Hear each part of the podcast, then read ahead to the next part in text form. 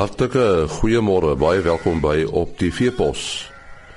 Ons praat vanoggend oor eh, DNA tegnologie by wild en dan ook met John Durr, die voorsitter van die NPO in die Wes-Kaap en hy praat oor die tekort aan entstof. Ons uh, gesels met uh, eh, Dr Paul Liebout en uh, ons gaan met hom praat oor hierdie stelling, 'n klein treetjie vir 'n wildboer maar 'n reuse sprong vir die wildbedryf. Dit is hoe mense die vordering met DNS tegnologie vir uh, wildboere kan beskryf. Uh, Dr Paul Wibout is van Wildlife Stud Services. Uh, ons moet miskien net heel eers begin by die begin. En wat is DNS tegnologie en hoe dit word ontwikkel? Ehm um, DNA tegnologie uh, word gebruik uh, soos ons reeds in ehm uh, in die missie laaste tyd gesien het om mense te identifiseer en ook ouerskappe te bevestig. Ehm um, dit is die analise van uh, materiaal wat in die kern voorkom wat eintlik 'n bloudruk is van die uh, on, uh, vermoë genetiese samestelling van die dier en dit kan gebruik word um, om diere te identifiseer en ook om ouerskappe te bepaal. So dit kan vir die toekoms van die wildbedryf nogal baie beteken.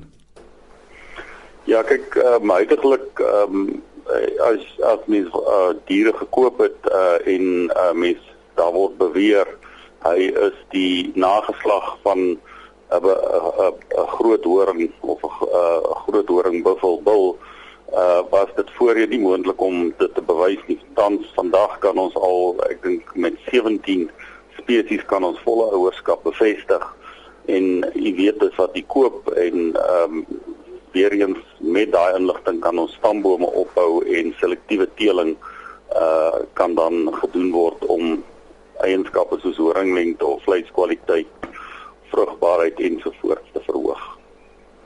Uh, hierdie rekordhouding en die aantekening van uh, van wildse stambome deur wildboere, uh is dit 'n ding wat besig is om toe te neem? Doen die ouens dit meer en meer? Ehm um, ja, dit word dit neem uh, baie vinnig toe as mens dink dat uh, Monroe Marx van Unie stel van die DNA laboratorium het net in hierdie jaar alleen 12000 DNA monsters analiseer en dan is daar nog ses ander laboratoriums wat ook in die wildbedryf soortgelyke dienste lewer. So ek dink dit is 'n uh, 'n ontploffing in die wildbedryf en dit is ook 'n game changer uh om te verseker om die risiko's en ehm um, uit die bedryf uit te verwyder. Jy het in 'n veeplaas artikel gesê dat dat dit gewone wilde beeste in die natuur ook kleurvariasie, dis nou goudkleurige kalvers teel en uh uh met met DNA tegnologie kan die draers van die kleur geen geïdentifiseer word. Uh, Brei bietjie uit daarop.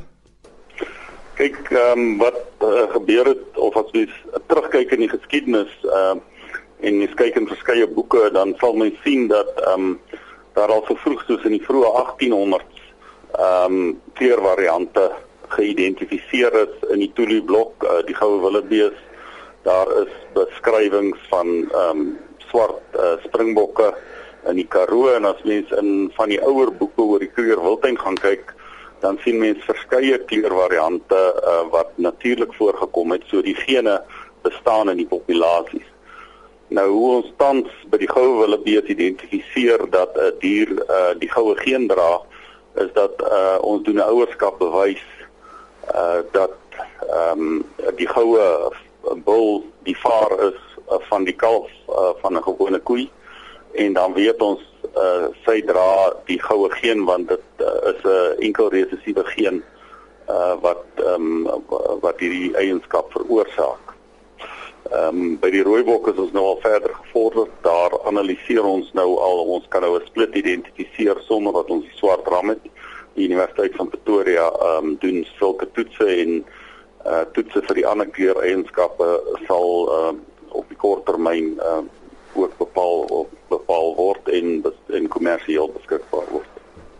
Uh en Paul die teelwaardes van diere kan, kan dit ook bepaal word. Wat, wat verwag julle? Ja, kyk, uh, ons is reeds besig. Ehm um, ons probleem is die ehm um, hoeveelheid data in die database skiet nog ver te kort. Ehm um, en wat besig is om te gebeur is ons kan reeds 'n normale ehm um, soos interkalwings en daar laaste gekalf en so bereken. Ehm um, so sodra daar voldoende data is en ons verwag dat dit binnekort by seibels en by wildebeeste gaan wees gaan daar uh, in die toekoms uh saam met die Universiteit van die Vrystaat ehm um, ehm uh, analises gedoen word om die wat ons noem die genetiese parameters te bepaal die erfbaarhede van uh hierdie eienskappe, horing eienskappe as ook uh deelwaardes uh vir die diere te bereken. En die toekoms, uh, watter uitdagings lê daarvoor? Ek ek dink as ons na die toekoms kyk en ons kyk na die potensiaal van die wildbedryf en ons kyk wat ons minister um, ek dink op die 13de Januarie aangekondig het dat hulle wildvleis na Europa toe wil uitvoer. Ehm um, en ons sien dat die wild die kettinggroepe nou wildvleis uh, begin verkoop, die kettingwinkels en ons kyk daarna dat uh, ons nou kan selekteer vir horinggroei, so ons sal groot hoeveelhede troof trofee diere kan produseer.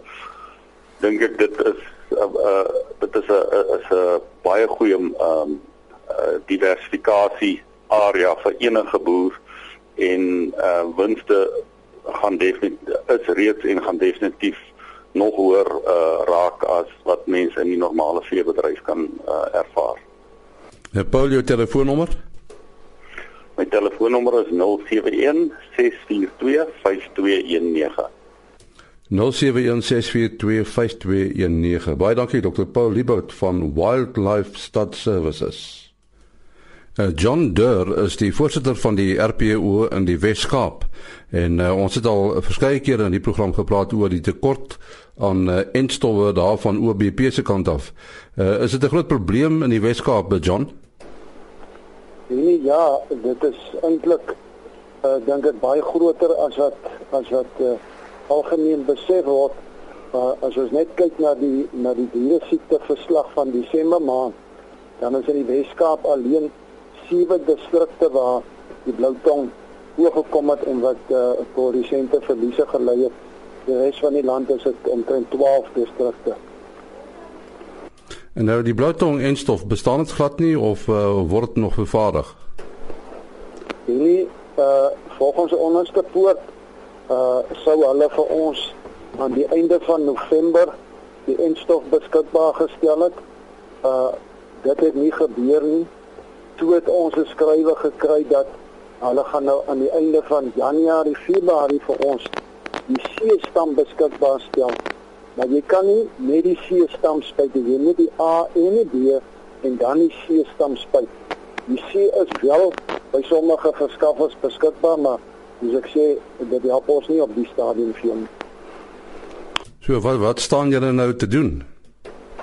En ons het nou by 'n punt gekom uh en ek praat nou net namens die Weskaap spesifiek dat ons by 'n punt gekom waar ons aanstaande week ons nasionale UR raad gaan vra uh dat uh dat ons moet kyk om om na uh, privaat via sy maatskappye te, te gaan dat hulle te gesels om te kyk of hulle nie vir ons die instof kan vervaardig en kan kan verskaf nie ons ons kan nie meer staat maak net op beloftes van daar onderste poot af nie met beloftes gaan ons nie gaan ons nie hierdie hierdie probleem aanspreek in die toekoms nie. Ja, is daar privaat maatskappye wat uh, dalk die instof kan vervaardig? Nee, uh voor die sente het nou al so ver gegaan en direk met wel met privaat maatskappye gepraat en uh nou raak jy gesels met jou met jou plaaslike verteenwoordiger en Hy praat ook maar nie altyd uit 'n gesagsposisie uit nie, maar dit blyk of of daar wel so 'n moontlikheid kan wees. Ek dink hierdie maatskappye is internasionale maatskappye en as hulle dink kan doen, dan sal hulle hom kan doen. Maar uh, dit is natuurlik nie 'n korttermyn oplossing nie. Is nie korttermyn nie, oor die langtermyn sal ons wil sien dat ons te poot na die tafel kom en vir ons wel dit wat hulle nou al vir ons uh, sê dit tot 13 beloof uh, dat eh, OBP is besig met opgradering dat hierdie ding nou klaar kom en dat hulle kan voortgaan met die goeie diens wat hulle wel in die verlede gelewer het. Ons weet dat dit was op op die vasteland van Afrika was dit die verskaffer van van Fiat se my models. Nou is dit net in die Weskaap waar die probleme is. Nee, uh nee, soos ek soos ek gesê het, uh Desember maand was dit sewe distrikte in die Weskaap en die res van die land was daar 12 ander distrikte, maar uh die Weskaap spesifiek nou uh, uh omdat ons hierdie laat somer reëns gehad het en dit is waar jy muggies dan gewoonlik uh uh muggies uh, kwal uh, kom en jou muggies is is eintlik nou die dra van die uh, van die virus wat die wat die blou tong veroorsaak. Nou so iets oor die siekte self is is is hy dodelik? Hy kan uh, uh onder die diere die diere se lippe en sy tong opswel. Uh kan hy nie vreet nie. Uh en en en jy moet hom nou uithaal eintlik uit buite uit die son uit en jy moet hom uh, in 'n skaduweeplek sit en jy moet vir hom sagte kos gee. Uh so jy haal hom uit sy natuurlike habitat uit en jy moet hom daar gaan versorg in die skadewee uh waar die en dan moet jy natuurlik nou probeer om die muggies te beheer wat nou nie altyd moontlik is nie en wat 'n duur proses is.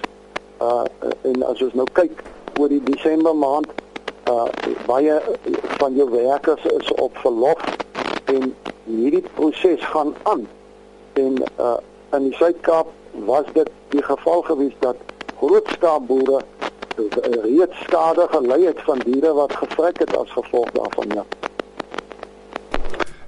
En nou, uh, wat sou jy boere aanraai om intussen te doen?